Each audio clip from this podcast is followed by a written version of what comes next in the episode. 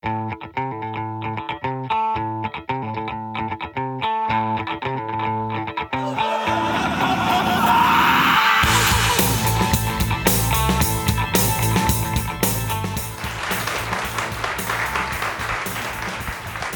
og velkommen til en ny episode av Filmfrelst, podkasten fra filmtidsskriftet montasj.no. Mitt navn er Karsten Meinick, og vi sitter i dag på Vega Scene i Oslo for opptak av en livepodkast om programmet til Film fra sør 2019, som åpner om noen uker. I dag er det programslipp for eh, årets eh, hva skal vi si, bukett med film fra sør. Og eh, vi har et panel med fire stykker. da Vi skal snakke om løst og fast, og også gå litt dypere inn i noen deler av programmet. Så jeg må introdusere panelet. Pernille Middleton, velkommen. Takk, takk. Bidragsyter til montasje, jobber i HBO Nordic, filmanmelder i Filmmagasinet, med mer. Tor Joakim Haga, velkommen. Jo, takk skal du ha. Du er en gammel kjenning. Du driver også podkasten Celluloid Tunes med fokus på filmmusikk, og har vært med i montasje siden starten. Og Live Øra Danielsen, velkommen. Takk. Du jobber som eh, forlagskonsulent i Gyldendal nå, og har tidligere jobbet som kritiker, litteratur- og filmkritiker, og bidratt til montasje. Hyggelig å ha deg med. Um, Film fra sør går jo nå i år inn i sin 29. utgave. Så det betyr at det er sånn trommevirvel før jubileet. Men med en æresgjest som Park Chan-wook på programmet, så skulle man nesten tro at de svir av en sånn stor, stor hendelse eh, for denne 29. utgaven. da. Så kanskje, kanskje kan dere toppe det neste år. Eller så kan vi neste år si at oh, den 29. utgangen, 2019-årgangen, det er classic. For det er veldig veldig mye bra på programmet. Eh, vi har blitt enige om å ta det litt sånn løst og fast i starten. Se litt på de forskjellige seksjonene, trekke fram filmer vi har sett, eh, og ting vi gleder oss til som vi kanskje ikke har sett. Og så skal vi jo legge litt ekstra fokus på da disse tre regissørportrettene. Eh, dere på Vega som sitter med programmet mellom hendene, vil jo da se at i liksom bakre halvdel av programmet så trekkes det frem tre regissører. Altså Park Chan-wook, sørkoreanske mesterregissøren som vi kjenner fra filmer som Thirst, Oldboy, Kammerpiken med mer. Han gjester festivalen. Og eh, i tillegg så er det da et spesielt fokus på den unge chilenske regissøren Dominga Sotomayor Castillo. Og eh, den guatam, guatemalanske eh, regissøren Jairo Bustamente. Eller kan sikkert uttales enda flottere av noen som har språkkapasitet til det.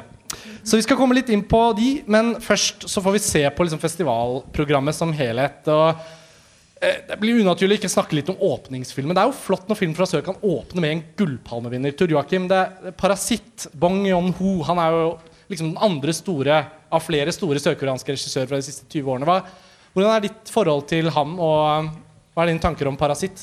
Altså, han er litt for meg litt sånn som Takeshi Miike. Altså, litt sånn all over the place, eh, stilistisk og uttrykksmessig. Nå har ikke jeg sett Parasitt. Eh, Jeg var så uheldig, hva heter det? Så jeg er ikke uheldig. Jeg, altså, jeg var ikke i Cannes i år, da, så jeg hadde ikke mulighet det å var ikke jeg. Du var belemret, Belemret, med fraværet ja, av å ja. ikke Vi er sånne bortskjemte drittunger som Ja. drar til Cannes.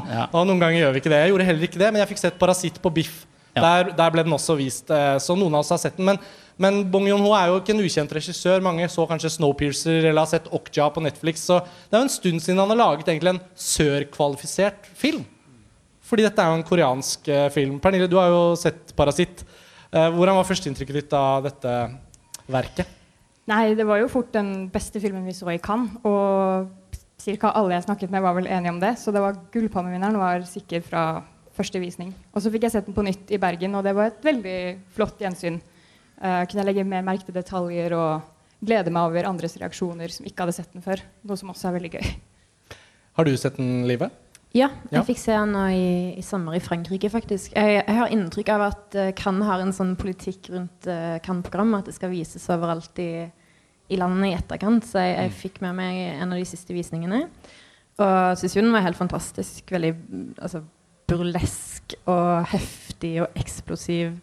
Uh, føles som en film jeg burde se igjen. Mm. Så ja, det kan være jeg tar sjansen nå. Det fine med 'Parasitt' er at det er en sånn film som umiddelbart ber om ikke å bli spoilet. Um, og uh, for oss som ikke bare kan da, og er vant med det, og hører om folk som når man liksom hører når man ikke er der og hører om disse utrolige mesterverkene som bare spilles av på rad og rekke, så er jo kunsten å bare holde fingrene i ørene og vente til anledningen byr seg. Som vi også skal da gjøre både til dere lyttere og dere her på Vega. Vi skal ikke si noe særlig mer om Parasitt, bortsett fra at den er sånn klokkerent mesterverk. Og den kommer til å være hyperaktuell gjennom hele vintersesongen frem til den får norsk kinopremiere på nyåret. Den kommer til å bli Oscar-nominert for masse forskjellig. Og om ikke man skjønte at Bong Joon-ho var en stor regissør allerede, så er det i hvert fall ingen tvil. Uh, og når de av dere som går på åpningsfilmen og ser 'Parasitt', ser deres første Bong Joon-ho-film, så kan man jo si at han har laget veldig mye annet bra som det bare er å oppsøke da uh, i arkivet. Men avslutningsfilmen skal vi komme litt mer tilbake til. Jeg tenker det, det, kan være fint å se litt da på hovedkonkurransen, for der er det jo nå inkludert eh, filmer fra veldig mange deler av verden. Og det er jo litt sånn film fra sør-identiteten, for å snakke litt generelt. Eh, det er alltid noen som drar spøken med at eh, ja, er ikke Australia og New Zealand langt nok sør, det, da? Eh, og det er jo paradokset med film fra sør, at det er et slags utvalg. Det er visse deler av verden vi ikke får se filmer fra, mens noen ganger så gjøres det unntak. og jeg husker jeg var frustrert for mange år siden da Abbas Kiarostami, den store iranske mesteren, hadde laget ny film, men den utspilte seg i Toskana, og så ble den ikke inkludert på Film fra sør. Årsaken viste seg å være noe av det Lasse nevner, da, noen sånne teknikaliteter. Men jeg husker jeg tenkte, kan dere, ut, kan dere liksom utelate Kiarostami bare fordi han filmer i Italia? I år vises eh, Hirokazu Koredas franske film 'La Verité' i programmet. Så den, den, er veldig fransk. Men det er jo da den nye filmen til fjorårets gullpalmevinner Koreda, som var her med 'Shoplifter'. Så. Veldig fransk. Det kan du gå i begge Ja, Den er så fransk at jeg vet ikke om den er for deg, Tor Joakim. Nei, uff, prat. men, men, den, men den er på film fra sør. Så når jeg åpner hovedkonkurranseprogrammet da, på side ti Så første filmen som står, har jeg da heldigvis sett. Det er en colombiansk film som heter 'Monos', som eh, jeg fikk sett på filmfestivalen i Berlin. Og dette føler jeg er en film som er verdt å trekke fram og si litt om eh, hvorfor den er så spennende. Eh, det er en film man kan diskutere litt. Det er ikke sikkert alle kommer til å like den like godt. For meg var den veldig veldig spennende. Eh, den perfekte møte mellom på en måte en sjangerfilm og en festivalfilm. Den er på sett og vis litt saktegående, men på den andre siden som en sånn konstant thriller som aldri blir uspennende. Pernille, hva kan vi si om Monos ved siden av det? jeg sa nå, altså, Er det noe spesielt element ved den filmen som du kunne hatt lyst til å trekke fram? Den er veldig spektakulær, eh, suggererende. Har et helt sånn in ekstremt intenst lydbilde og musikk, ikke minst, av Mikael Levi. Eh, så dette er noe for Tor Joakim, definitivt. Um, og den utspiller seg i et fjellandskap. Um, og til tross for at den er i sånne store naturomgivelser, så føles den veldig klaustrofobisk. Uh, ja, noe som underbygger at den er en såpass intens thriller. Da. For det er jo en slags sånn kidnappingsfilm som uten å spoile for mye utvikler seg til å bli noe helt annet. Mm. Um, ja, for Det er liksom ikke fullt så mye en spoilerfilm, føler jeg. Den handler veldig mye om stemninger. Men det er greit å vite om det premisset. Det er en amerikaner, kvinne, som er på en måte gissel Spilt av Julian Nicholson, ja, som Julian er Nicholson. sykt bra. Ja, hun er veldig bra. Og så er det alle disse barna. Det er noe sånn Fluenes herre. Nå er du litt sånn det litterære alibiet her, livet. Eh, hva tenker du om den koblingen mellom en sånn nesten sånn narrativ sjanger som Fluenes herre alltid blir brukt som referanse til? Jo, men, men, i denne filmen så er det òg en veldig eksplisitt visuell referanse. Det er liksom på, ja, altså, En kan jo si litt hva den handler om. Det er jo en sånn paramilitær eh, ungdomsgruppe som hører til litt oppe i høyden på et fjell eh, i Colombia og liksom ja, leve fritt der med, med, denne fangen sin som de har fått ansvar for. Og så har de ei ku, og så har de, de har liksom, eh, diverse ting som de, de, skal ta ansvar for. Men så er de ungdommer, og så går ting litt som det må gå. Så det er liksom en reise fra liksom høyden og ned til jungelen, der hvor de etter hvert trekker seg.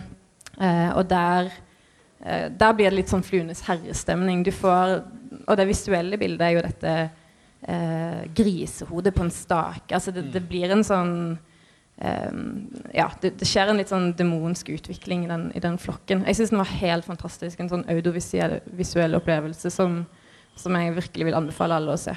Mm. Monos er sikret norsk kinodistribusjon. Det føler jeg vi av og til kan trekke inn. Da. Det gjelder Parasitt også. Men det er likevel noe med å se film på Film fra sør, syns jeg, i disse eksemplene. Så er det ikke alltid man kommer til en full sal på Saga 5 ute i mars hvis man velger å utsette det. Eh, det er noe helt annet å se film eh, på de ofte helt fylte salene under festivalen i november. Um, er det noe annet som dere ser her? Bare skyte inn at Det er altså en av de filmene jeg har skrevet opp som de er mest nysgjerrig på under festivalen. Ja. Høres ut som dere har sagt skreddersydd med vistaer og bruke natur inn i som speiler rollefigurer og tilstander og musikk. Ja. Så det er veldig sånn Ja, det er en veldig sånn følelig film. Jeg føler at du føler med de. eh, både i alt fra sånn heteslagene nede i jungelen. Ja, det er sånn skikkelig jungelfilm. Ja, sånn grusomt myggangrep som er helt sånn Mm. sykt ekkelt. Mm. Eh, men også kulden oppe i fjellene. Og så er det noe med lydbildet. Vi nevner jo musikken til Mika Levi for de som har sett uh, Under the Skin eller Jackie eller uh, Hva var den siste hun gjorde? Hun gjorde Ja, hun har i hvert fall ut, utrolig flott eh, uttrykk som komponist. Eh, jobber ikke på fem filmer i året, så det blir litt sånn Når kommer den neste? Uh, og det scoret til Monos ligger faktisk ute på Spotify, så hvis noen har lyst til å varme opp og bare høre litt på det Det er sånn, Du føler liksom det er en synt som blir vridd som en oppvaskklut med noe sånn jungellyd. Og det er bare sånn, ja, Noen er fløyter. ja, no, fløyter. Panfløyter på den gode måten. Um, vi får bla litt videre her. Altså, Tor Joakim, det er det noe du har sett, da? Ja, jeg har jo det, for så vidt. Nå er det, tenker du på hovedprogrammet nå, eller hovedkonkurransen? Der er det jo spesielt én film, men den skal vi kanskje komme tilbake til. For det er jo av en godt- av regissørene her. Vi kan godt snakke om den nå, syns jeg. Godt Ja. nyttår Chile, er det den du tenker Nyttår på? Chile, den heter, altså så blander jeg den opp pga. den serien Too Old To Die Young. Den heter ikke det, den heter Too Late To Die Young. Ja. Ja.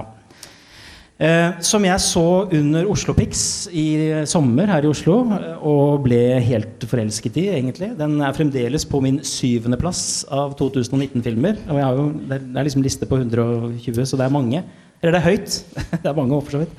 Eh, og ja, jeg vet ikke, Skal vi gå inn på den, eller skal vi gå inn på hennes filmografi allerede? Vi kan godt gjøre det. Du, du sier hennes fordi det er en av regissørene vi nevnte her innledningsvis. Dominga Sotomayor Castillo. Eh, hun, eh, hun er representert Ikke bare gjester hun festivalen, så det blir mulig å møte henne og høre henne snakke om filmografien sin, men hun er også en ung filmskaper som ikke har mer enn tre lange filmer bak seg, og en av dem er egentlig en kort, lang film.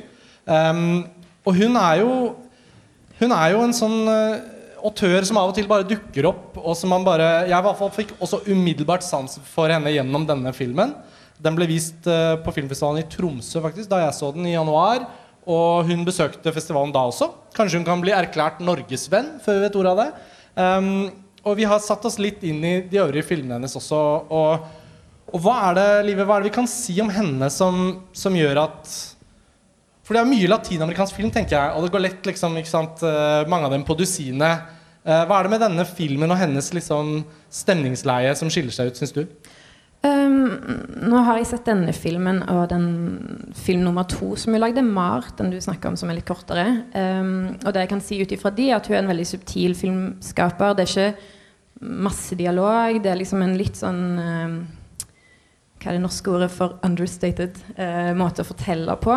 Jeg likte veldig godt 'Godt nyttår, eh, Chile'. Jeg syns det var en veldig uh, flott film. Den, den ligger liksom Den er lagt til tiden rett etter Pinochet sitt fall, Mm. er det vel? Eh, Eller han gang på 90-tallet? tidlig 90-tall. Mm. Uh, Representerte han noen sånne kassetter med sånn Absolute Music-lignende musikk? Det var veldig sånn Ja. deilig for oss fra Litt sånn. Sinead, Bare, det var en kobling. Sinead O'Connor-plakater. Ja. Ja. Um, men ja, det er, en, det er en liten gjeng mennesker, voksne og, og barn, da, som har flytta litt utenfor eh, Ja, litt på bygda, kan du si, og liksom starte et liv her samtidig som eh, Chile er i ferd med å, å gå over til et slags demokrati. Og det er, liksom, det er noe veldig flott i måten det er fortelt på. Det er liksom falma bilder. Du, du får litt inntrykk av at vi sitter og ser på noen minner her. Det er liksom definitivt veldig eh, nostalgisk. Um, Den minte meg ganske mye om Alfonso Cuarons 'Roma', som kanskje mange her har sett. Som er en Netflix-produksjon som var en stor Oscar-snakkis i vinter. Og som også ble vist på kino her på Vega, selv om den ikke var i vanlig distribusjon. Og selv om Alfonso Cuaron har et litt på en måte selvfølgelig mer episk visuelt prosjekt i den filmen, så opplevde jeg at det hun eh, Sotomayor gjør her i Godt nyttår Chile, er egentlig mye av det samme. Bortsett fra at hun lykkes her med noe som ikke jeg følte at Cuaron lykkes så bra med. Og det var å innta barnas perspektiv på en følsom nok måte til at man liksom kommer på innsiden av den opplevelsen. Um, og for de som da har sett Roma, så føler jeg at koblingen uh, ikke nødvendigvis gjelder hele filmen, men det er en sekvens i Roma hvor de drar ut i skogen på en sånn hytte og så har en sånn feiring om det er nyttår eller jul eller uh, Og det er veldig mye av det samme i denne her filmen, da hvor vi møter noen barn tenåringbarn som, som, som lever inn og ut av hverandres familier. De deler veldig mye av oppveksten og kan nesten leses av som å være søsken, men ikke alle er det. Eh, og så kommer det inn mot en nyttårsfeiring, er det vel. Eh, og særlig hoved... Jeg føler kanskje at hun er hovedpersonen. Hun, nå husker jeg ikke hva hun heter, men det er hun det er bilde av i katalogen. Eh, som vi sakte, men sikkert får på en måte forankret som en slags hovedperson. Men hun er jo ikke så opptatt av sånn klassisk narrativ heller. Altså, det er jo mye av det, det dere er inne på. Det er altså en film som handler mye om overganger. Altså, det er Chile som er i en politisk overgang. Det er uh, hun jenta som er i en, en overgang fra, fra, jente til kvinne. Uh, og det er nyttårsaften. altså Det er flere sånne elementer i det. Og jeg er veldig glad i de filmene som klarer å bruke et politisk bakteppe, men uten å liksom gjøre det til noe stort nummer. da, altså Pablo Darain, også fra Chile, er også ganske flink til det. Filmer som Tony Manero og sånn. Og Det finnes eksempler fra andre land, også fra Iran, som Under the Shadow, som bruker et, en, altså skrekktroper for å kommentere noe politisk. Men hun, jeg syns Sotomayor gjør det på en sånn veldig, som dere sier, veldig sånn nennsom, nostalgisk måte. Bade, altså, bildene er badet i et sånt matt lys, som om det skulle vært et sånt polaroidbilde. liksom. Mm. Og eh, bruker mye sånne grunnelementer, sånn som jord og ild og vann. og og, altså det er noe, sånn, noe, som vokser ut. Vi vet ikke helt hvor det skal vokse, men det er noe som vokser ut av jorda nærmest i, i de filmene. Vil du tilføye noe, Pernille? Um, det er veldig lenge siden jeg så Godt nyttår Chile. Mm. Uh, og det som sitter igjen fra den for min del, er en sånn veldig heftig skogbrann. Uh, som ikke helt skjønner hvordan de fikk til. De må jo ha brent ned en hel skau mm. uh, under innspillingen. men hun er nok ikke helt noe for meg fortellerstilen hennes. Og jeg er enig med deg om at det minner om Roma, som jeg heller ikke var noe spesielt fan av. Men jeg så jo den 'Thursday till Sunday'. I går. Debut, debutfilmen hennes. Debutfilmen, ja. og på lik linje med 'Godt nyttår Chile' så er hun veldig flink til å fange altså, Hun ser det gjennom et barns blikk. Det gjør hun også i den, for der følger vi en ung jente som på sett og vis ser foreldrene sine gå gjennom en slags skilsmisse uten at det blir direkte fortalt så går det veldig subtilt og veldig tregt. Uh, kanskje der jeg blir litt utålmodig. Men, uh, jo, men det, er, det, er, ikke dårlig håndverk. Men, men det er litt sånn ja. smaken, av det tenker jeg erfarne film fra sør-gjengere vet jo Man snuser jo av og til ut en veldig saktegående film i programmet. Særlig hvis den omtales som poetisk og tålmodig fortalt, f.eks. For ja. Um, da må jeg jo skyte inn i forhold til en annen film av henne som også er på programmet, som jeg ikke var så begeistret for. Det er en film som heter Mar. Uh, som handler om et par som drar til uh, kysten og stort sett henger på stranda, og han er, uh, mannen i dette forholdet er en eksistensiell krise. Altså For meg så, så altså Jeg kan jo trekke frem sånn fantastisk sanglyrikk. Altså 'Ut mot havet', der drømmer blir sanne og vinden gir svar. Altså det var, litt, det var litt den feelingen der i, i den filmen som, som, ikke traff helt hos meg. da så de to andre er mye bedre enn en Mar, spør du meg. Ja, men så da, vi, da ble det litt sånn Litt surt Litt salt og pepper her nå. Det er bra. Det er bra for diskusjonskvaliteten. Uh, jeg hadde glede av å snakke med regissøren da hun var i Tromsø. Og hun var en veldig var, Du var bare merket på hennes måte å diskutere sitt eget arbeid på. Som gjorde at jeg tenkte at hun her kommer vi til å se veldig mye spennende film fra. Hun er ikke gammel og er bare så vidt i gang. Hun kommer da altså til Film fra sør og møter publikum i forbindelse med en visning av Godt nyttår Chile 11.11.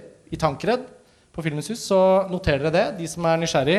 Um, og det er nok åpenbart da hennes beste film hun har laget, som da er den nyeste. da, 'Godt nyttår Chile'. Så, så da har man en inngang, i hvert fall der. Jeg tenker vi kan, vi kan, fortsette litt videre inn i altså Det jo, vises jo en del dokumentarfilm også under Film fra sør. Og den biten av programmet som går på dokumentarer, det er den biten hvor jeg i hvert fall personlig fant flest titler jeg ikke har sett. Eh, og da lurte jeg på, er det noen av dere som har sett noen av dokumentarene? For ofte er det jo noe krutt der som man er veldig glad man oppsøker. Eh, fiksjon kan jo av og til bli litt sånn tamt. Ja. Jeg har, jeg har sett en dokumentar. Um, jeg har sett en uh, The Kingmaker. Uh, fikk sett den under Biff i år. Ja. Uh, og vil egentlig uh, si at det var en en fin opplevelse, kan du si det. Den er lagd av en amerikansk regissør og kunstner som heter Lauren Greenfield, som har brukt uh, i hvert fall de to siste filmene, tror jeg, på å portrettere litt sånn uh, overflødig rikdom. Uh, Luksusliv? Ja. jeg så bl.a. en film som heter 'Queen of Versailles', som omhandler en sånn styrtrik amerikansk familie som bygger seg et sånn et ganske stygt Versailles-slott, USAs største hus, og så skjer finanskrise. Og Jeg tror den lå på NRK nett-TV en periode, og nrk.no hadde en overskrift som var sånn USAs største hus! Se filmen. Sånn, ja, ok. Så hvis noen husker å ha klikket på det, så er det da samme regissør. ja. eh, veldig egentlig kjedelig måte å selge inn en helt sinnssykt eh, eh, ja, overraskende dokumentar på. Men denne her har ganske like elementer. Dette her handler om eh, Imelda Marcos, som for mange er kjent for å eie over var, 3000 skopar, eller noe sånt som det. Men som, eh, som jo åpenbart er et mer interessant intervju portre, Altså en portrett eh, hva, skal jeg si, intervjuobjekt enn Ja. som så. Og vi skal jo da til Filippinene. Ja. Eh, og jeg har ikke sett filmen, men jeg husker vagt disse nyhetssendingene om dette dynastiet, Marcos-dynastiet, som, Ja. som kollapset vel eh, Ja. til slutt. Og så ble de sendt til eksil i USA. Eh, det er de kanskje mest kjent for, annet enn at eh, han, han Marcos var jo en diktator, og hun var hans eh, eh, ja, første dame, kan du si. Mm, men ble på mange måter Filippinenes ansikt utad. Um, og har nok hatt mer enn én politisk finger med i spillet der. Det kommer også veldig klart fram i filmen at, at hun spilte en stor politisk rolle eh, allerede da. Um, og gjør det fremdeles. Altså, det, er noen, det er noen scener i den filmen. Hun sitter i, i det her slottet sitt av et hus, og så har hun original Picasso over den ene skulderen og en Monet over den andre. Og så og i denne filmen her, midt i, så, så blir hun da eh, dømt for eh, korrupsjon. Eh, og du ser liksom hvordan interiøret i dette huset forandrer seg underveis, fordi liksom vi må skjule alle disse skattene som vi har fått uh, ja, etter mange år med å robbe filippinske statskasser. Så det er, noe, det, er en, det er en veldig god timing der, og så er det en, en film du nesten må se for å, ja, for å tro den. Det høres veldig spennende ut. Um, er det noen av dere andre som har noen dokumentarer på Nei? ikke som Ja, så kan vi bare skyte inn her at uh, Jeg ser jo nå jeg, at Patricio Guzman har en film på programmet. Uh, The Cordeler Cord The Cordillera of Dreams. Det er veldig dårlig på spansk. Um, altså, apropos Chile. Altså, Ja. Patricio Guzman er jo en av de store chilenske filmskaperne som mange kanskje har sett filmer av før. Ja. Jeg syns de to forrige dokumentarene hans er helt enestående. Og de ble begge vist på Film fra sør, hvis ikke jeg husker feil.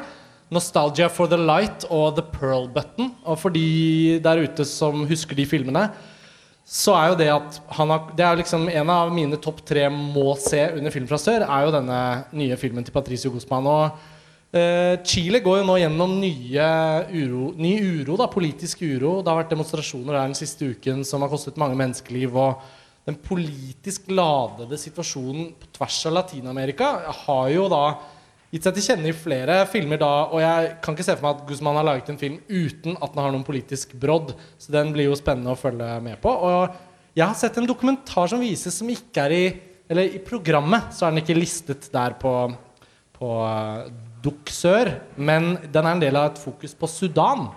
Så jeg tenkte kanskje anledningen min nå er bare til å nevne den. Så så har jeg bare lyst til å bla opp og finne den siden. For det er litt lenger bak. at du kjenner su- sudansk filmindustri. Ja, altså det, det, det morsomme med denne filmen er at den handler om at Sudan ikke har noe særlig filmindustri.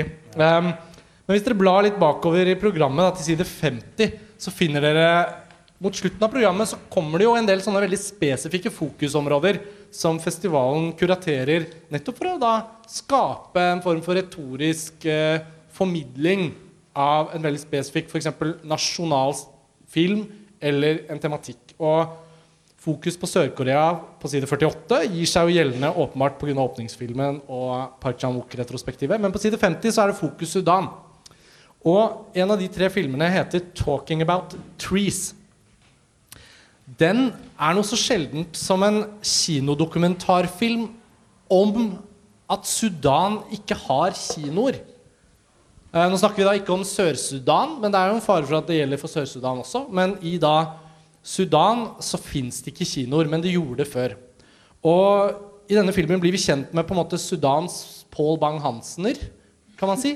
Eh, en, en gruppe gamle menn som er ganske karikerte og ganske morsomme, ganske snåle, som har vært filmskapere i da gamle dager. Og da snakker vi 60-tallet.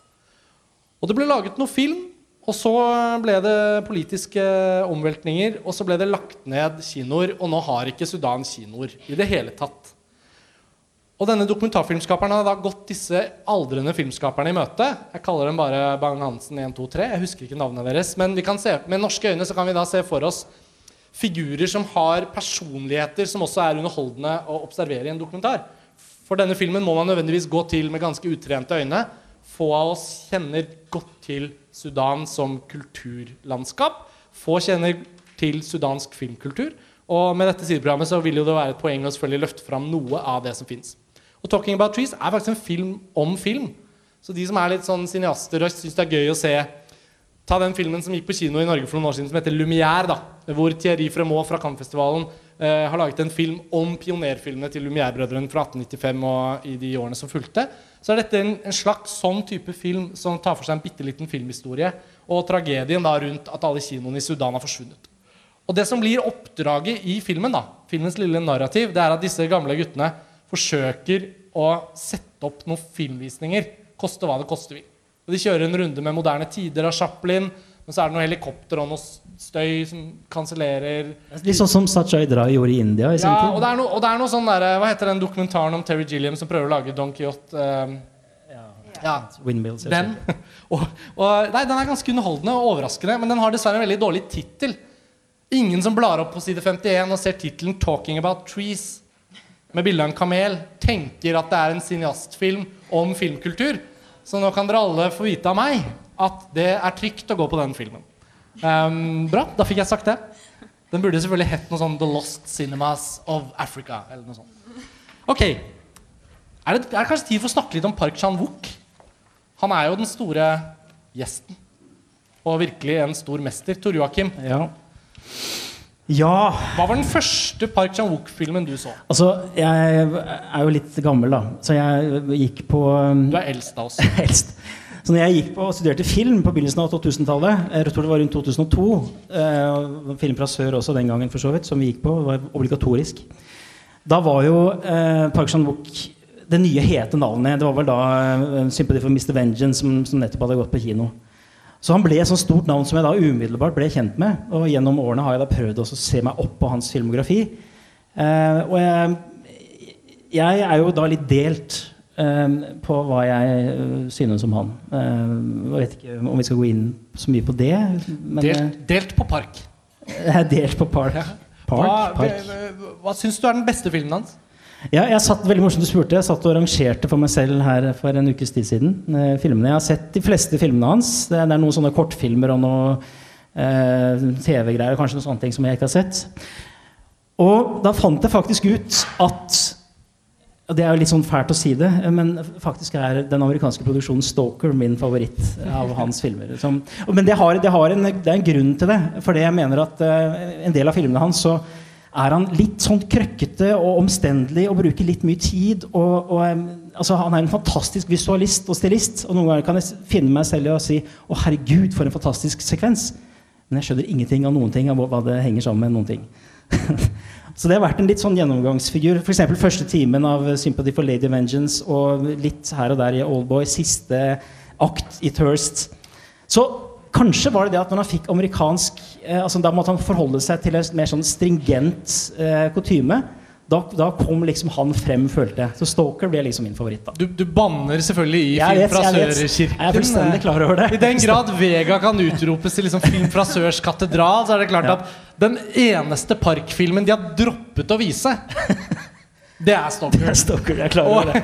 for den ble for amerikansk Ja, med Nicole Kidman og sånn. Det er flott med fransk Coreda, den er med, Den er med. men ikke amerikansk Nei. park. Og de har til og med tatt med de mest obskure kortfilmene.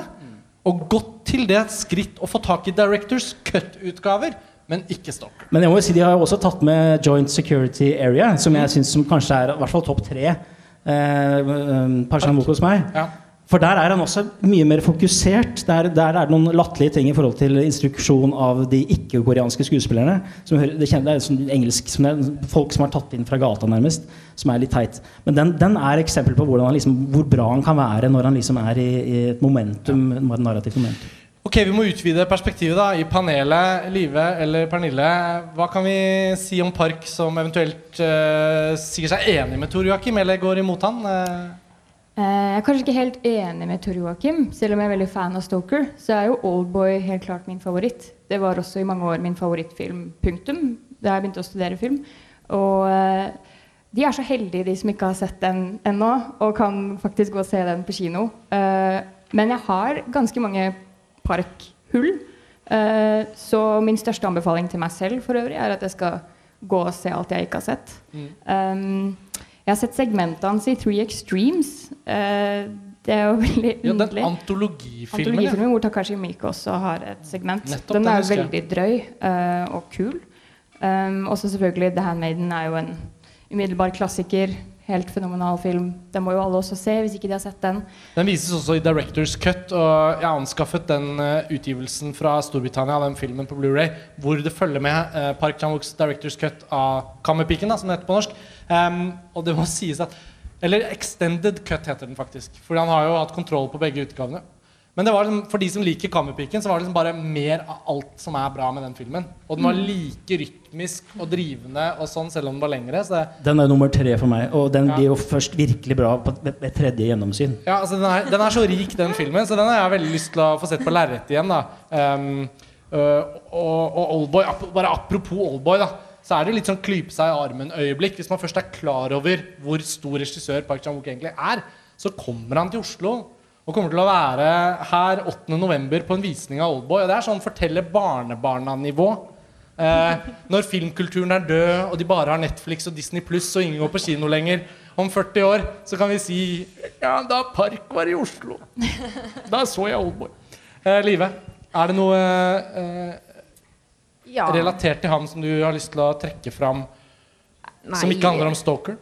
Eh, jeg har ikke sett Stalker. Um, Kammerpiken hadde jeg veldig stor glede av for et par år siden når han kom.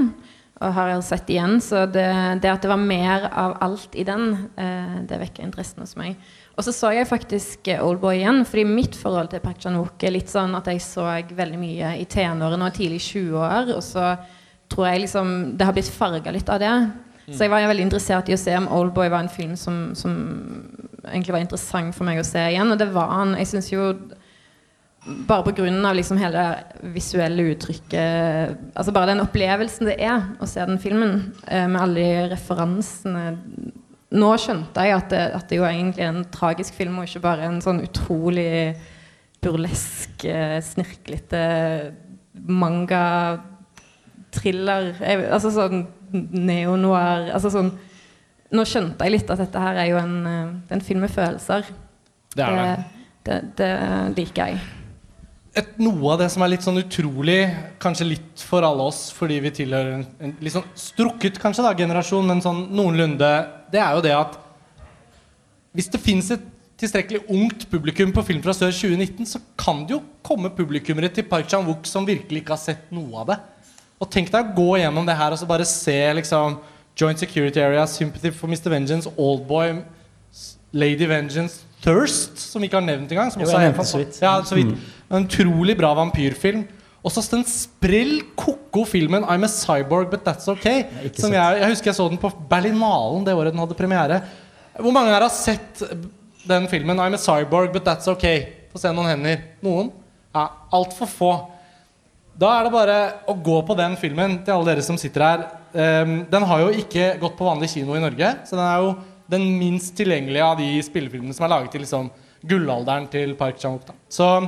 Og så er det jo noen av de mindre kjente tingene hans. da um, Hva heter den TV-serien? Kanskje det er det de unge har grepet fatt i? Den Little Drummer Girl. Little ja, Drummer Girl Den skal som... heller ikke vises under festivalen. Nei, da Han gjorde jeg så de tre første episodene av den, og det var ikke helt det store. Det, det store? Min, mindre park på TV, vil jeg si. egentlig jeg, jeg, Det er faktisk det siste jeg har gjort den siste tiden, er å se meg opp på ting jeg ikke har sett. Og det var bl.a. Uh, eh, den Little Drummer Girl, TV-serien til Park Chan-wook, som også er da engelskspråklig. Så den hører jo ikke hjemme i katedralen her. Um, men um, jeg tror kanskje likte den litt bedre enn deg. Den ligger på TV2 Sumo, tror jeg, for de som er nysgjerrige. Jeg bestilte den på DVD, for jeg liker å ha det på hylla. Um, ok, Men da har vi jo fått understreket at besøket til Park Chan-wook til Oslo og visningen av alle hans filmer, nesten alle, er en begivenhet. Så skulle det være noen tvil, så er det selvfølgelig anbefalt. Og da er det liksom litt sånn tilbake til Latin-Amerika, for det er viktig å få snakket om skal vi si Jairo, Jairo Bustamente? Jairo? Ja, det blir Du kan feil uansett. si uansett. etternavnet hans. Ja, Bustamente. Vi er på etternavn. Ehm, han gjorde seg først gjeldende med filmen 'Nix Canul', som hadde premiere i Berlin i 2015. Og så har han da laget veldig mye film det siste året.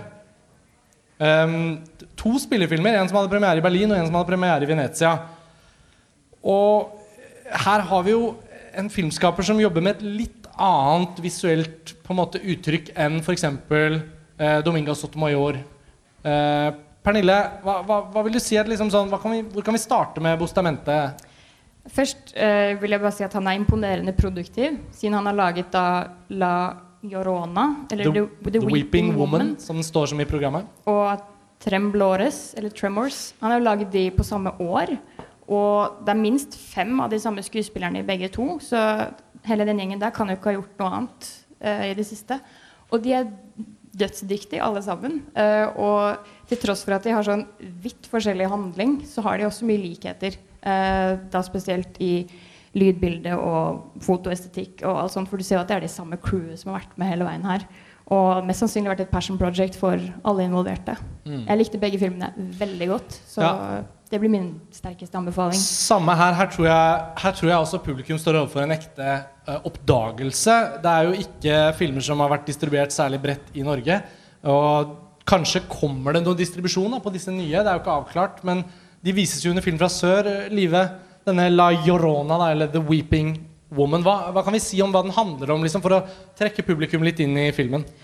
Um, jo, altså vi befinner oss i en ehm, Er det en slags nåtid? Det er vel eh, 2010-tallet i hvert fall. Ehm, hvor ehm, Altså, jeg vil si at mesteparten av filmen utspiller seg i huset eh, til den generalen eh, og diktatoren, vel, som eh, da blir stilt til rett for folkemord på, på maya-indianerne.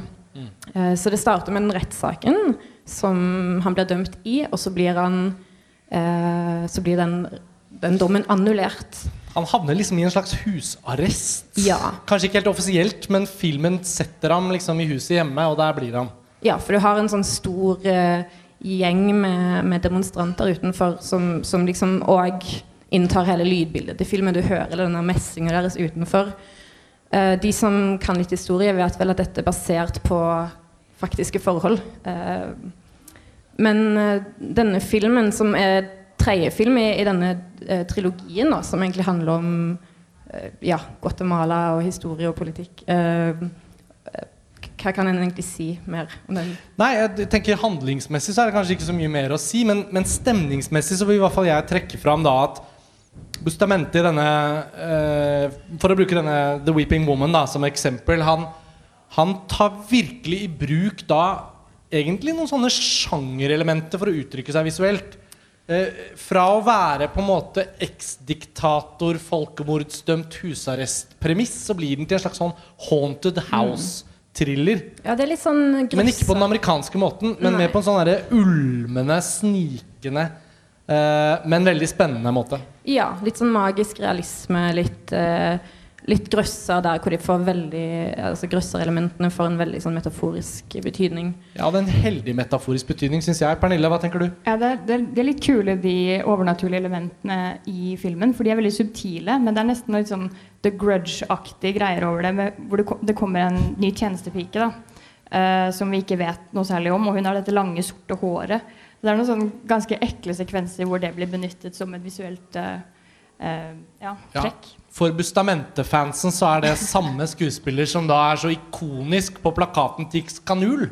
Så da vet dere det. At det er et autørtrekk der. Um, det er veldig bra grep, det med henne og hennes funksjon i dramaet. Ja, og det jeg ikke Jeg, jeg så X Kanul for noen år siden da han gikk på Biff. Uh, det jeg ikke skjønte før etter at jeg hadde sett Eller åpenbart etter at jeg hadde sett filmen, men, men en kan jo også si at titlen, den spanske tittelen er La Llorona, altså den, den gråtende kvinnen.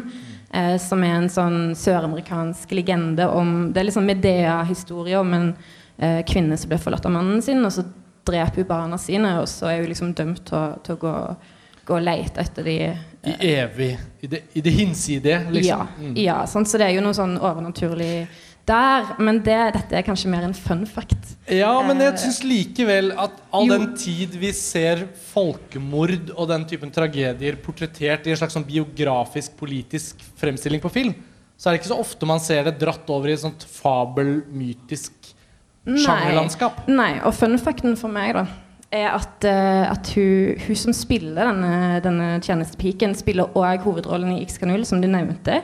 I X-Kanul så heter hun Maria, noe den gråtende kvinnen i legenden gjør. Og uten å avsløre for mye, så, så er det ting som skjer i den, den første filmen, da, X-Kanul, eh, som kan indikere at, at bestamentet Bustamentet med vilje har plassert hun i den rollen hun har i tredje filmen. Det synes jeg var Det gjorde på en måte den trilogien litt for meg, for jeg er ikke like begeistra som dere for den.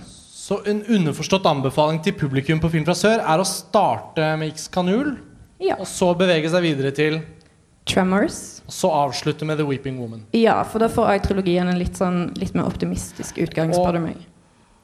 Jeg må bare Ja. Jeg må bare si at jeg har en litt annen oppfatning av filmen enn det dere har. Men igjen.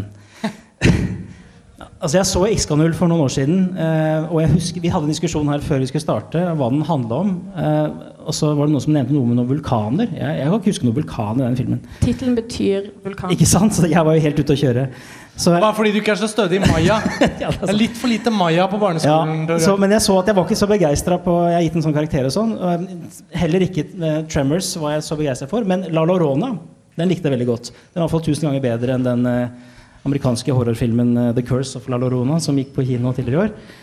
Eh, og det som jeg syns er interessant, som jeg bare ville skyte inn i den diskusjonen dere hadde her i stad, er at eh, jo, det er veldig interessant med dette isolerte. Det er litt sånn charolata, Sajait Rai, liksom hvordan er inne, de er inne i denne her huset hele tida. Men det er hvordan den utfordrer moralstrukturer. altså hvor Vi skal på en måte, vi blir bedt om å identifisere oss med de som er inne i dette huset. Dette gjelder kanskje spesielt kona til generalen. Og så må vi utfordre oss selv moralsk. altså Kamera setter oss opp med dem, men så må vi vurdere er det, skal vi da sympatisere med dem også. Eller skal vi ha en viss avstand til det? Det syns jeg var kanskje det mest interessante med den, i tillegg til denne magiske realismen og disse andre elementene dere nevner. Ja, um, jo, men, jo, men det er jeg enig i. Altså, den, den prøver jo å framstille mennesker i dette Men dette er kanskje min hovedinnvending mot Bustamante, som jeg føler jeg kan, kan eh, si her, i og med at jeg, eh, jeg har inntrykk av at alle andre er så utrolig begeistra for den. Og det er kanskje at ehm, dette er jo åpenbart en veldig politisk filmskaper som lager veldig politisk film. Um, han er veldig opptatt av det historiske. Og jeg opplever kanskje litt at, at det reisverket da, som han bygger filmene sine rundt, det blir så veldig tydelig. Det blir liksom en sånn stivhet og en litt sånn kjølighet ved dem som, som gjør at jeg ikke helt for eksempel, da klarer å ta tak i dette menneskelige aspektet i The Weeping Woman. Men uh, jeg forstår jo at jeg kanskje er litt alene om dette. Hvis vi skal dra noen paralleller tilbake til Domingas Tomayor Castillo, så vil jeg jo si at til alle dere nå som har lyttet til hele denne diskusjonen, og dere der hjemme, ehm, så er det jo akkurat det hun får til veldig bra, i særlig den Godt nyttår Chile. Det er et eller annet steg hun klarer å ta, om det er med kamera eller med manus eller en eller annen form for grep. Det er vanskelig å sette fingeren på det. Men det oppstår en sånn veldig humanistisk og mellommenneskelig kobling mellom oss og filmen, som gjør at Godt nyttår Chile egentlig står ut som en av de beste filmene på årets film fra sør. Som er veldig Utvilsomt. utvilsomt. sett, og, og, og i all sin eh, formmessige eh, egenskaper da, til Bostamente, så, så er det kanskje akkurat det lille kneppet der jeg er enig i. At når man setter de to ved siden av hverandre, eksempel, så, så oppstår det et lite Ja, en liten glipe da, mellom forskjellige typer kvaliteter. Ja, og, og da vil jeg jo egentlig nevne Monos, som, òg klarer å ha en sånn historisk ramme uten at, uten at det blir betegnende for hvordan filmen ender opp. da. For at den òg har liksom en sånn egen flyt og et eget driv Mm. utover det politiske. Vi sitter som sagt på Vega scene. Det er programslipp for Film fra sør 2019. Festivalen går av stabelen om noen uker. Og her i kveld så skal det straks gjøres klart for filmquiz. Uh, vi har hatt 45 tilmålte minutter til denne podkasten om programmet. Jeg foreslår at vi stjeler to ekstra minutter da, helt til slutt. Eh, fordi jeg tenker at uten å gå i dybden, så er det da et par sånne ting som vises, som jeg syns bare må sies da, og nevnes. Godeste Abbas Kiarostami, rest in peace, rakk å nesten bli ferdig med sin siste film, eh, 24 Frames. Og den eh, kom aldri til Norge. Den er utgitt på Criterion Collection i USA, men på side 59 i programmet så oppdaget jeg at Film fra sør har inkludert filmen i Horisonter-sideseksjonen. Og Abbas Kiarostami var jo æresgjest på Film fra sør i 2006, for 13 år siden.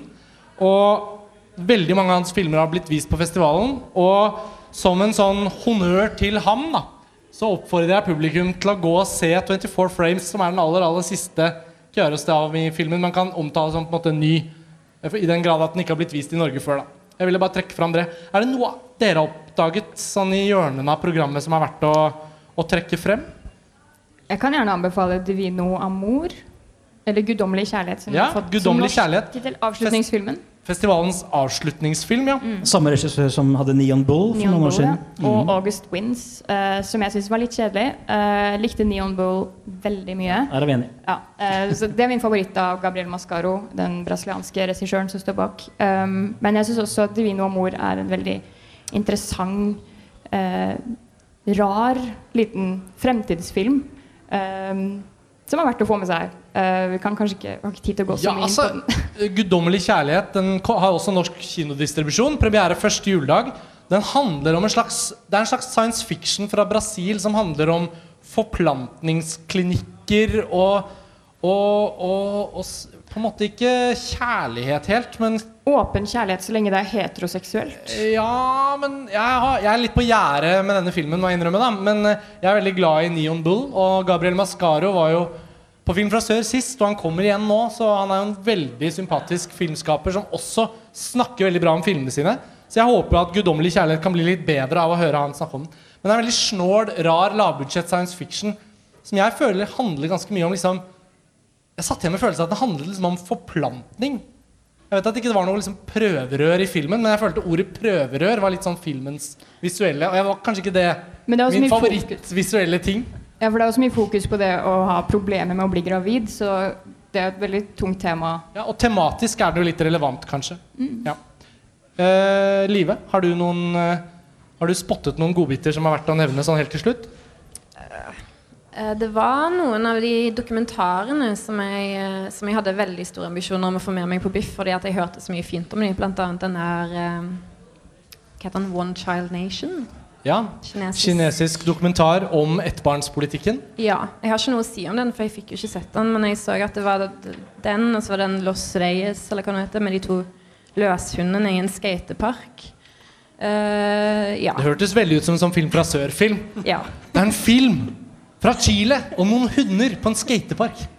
Den må vi vise. Kanskje den er kjempebra. Eh, jeg tror Hvis jeg får lov å si en film til slutt, så jeg må bare si en til en film, Å ja, jeg får ikke lov. Kjør på, Tore Joakim. jeg, jeg har ikke, fått lov å nevne noen.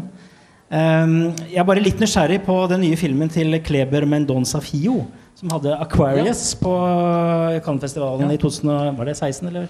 Ja, uansett når jeg var der. En ny film som heter Bakurau, eh, som jeg i hvert fall, basert på regissøren, er litt nysgjerrig på. da. Ja. Jeg skal ikke si noe om den.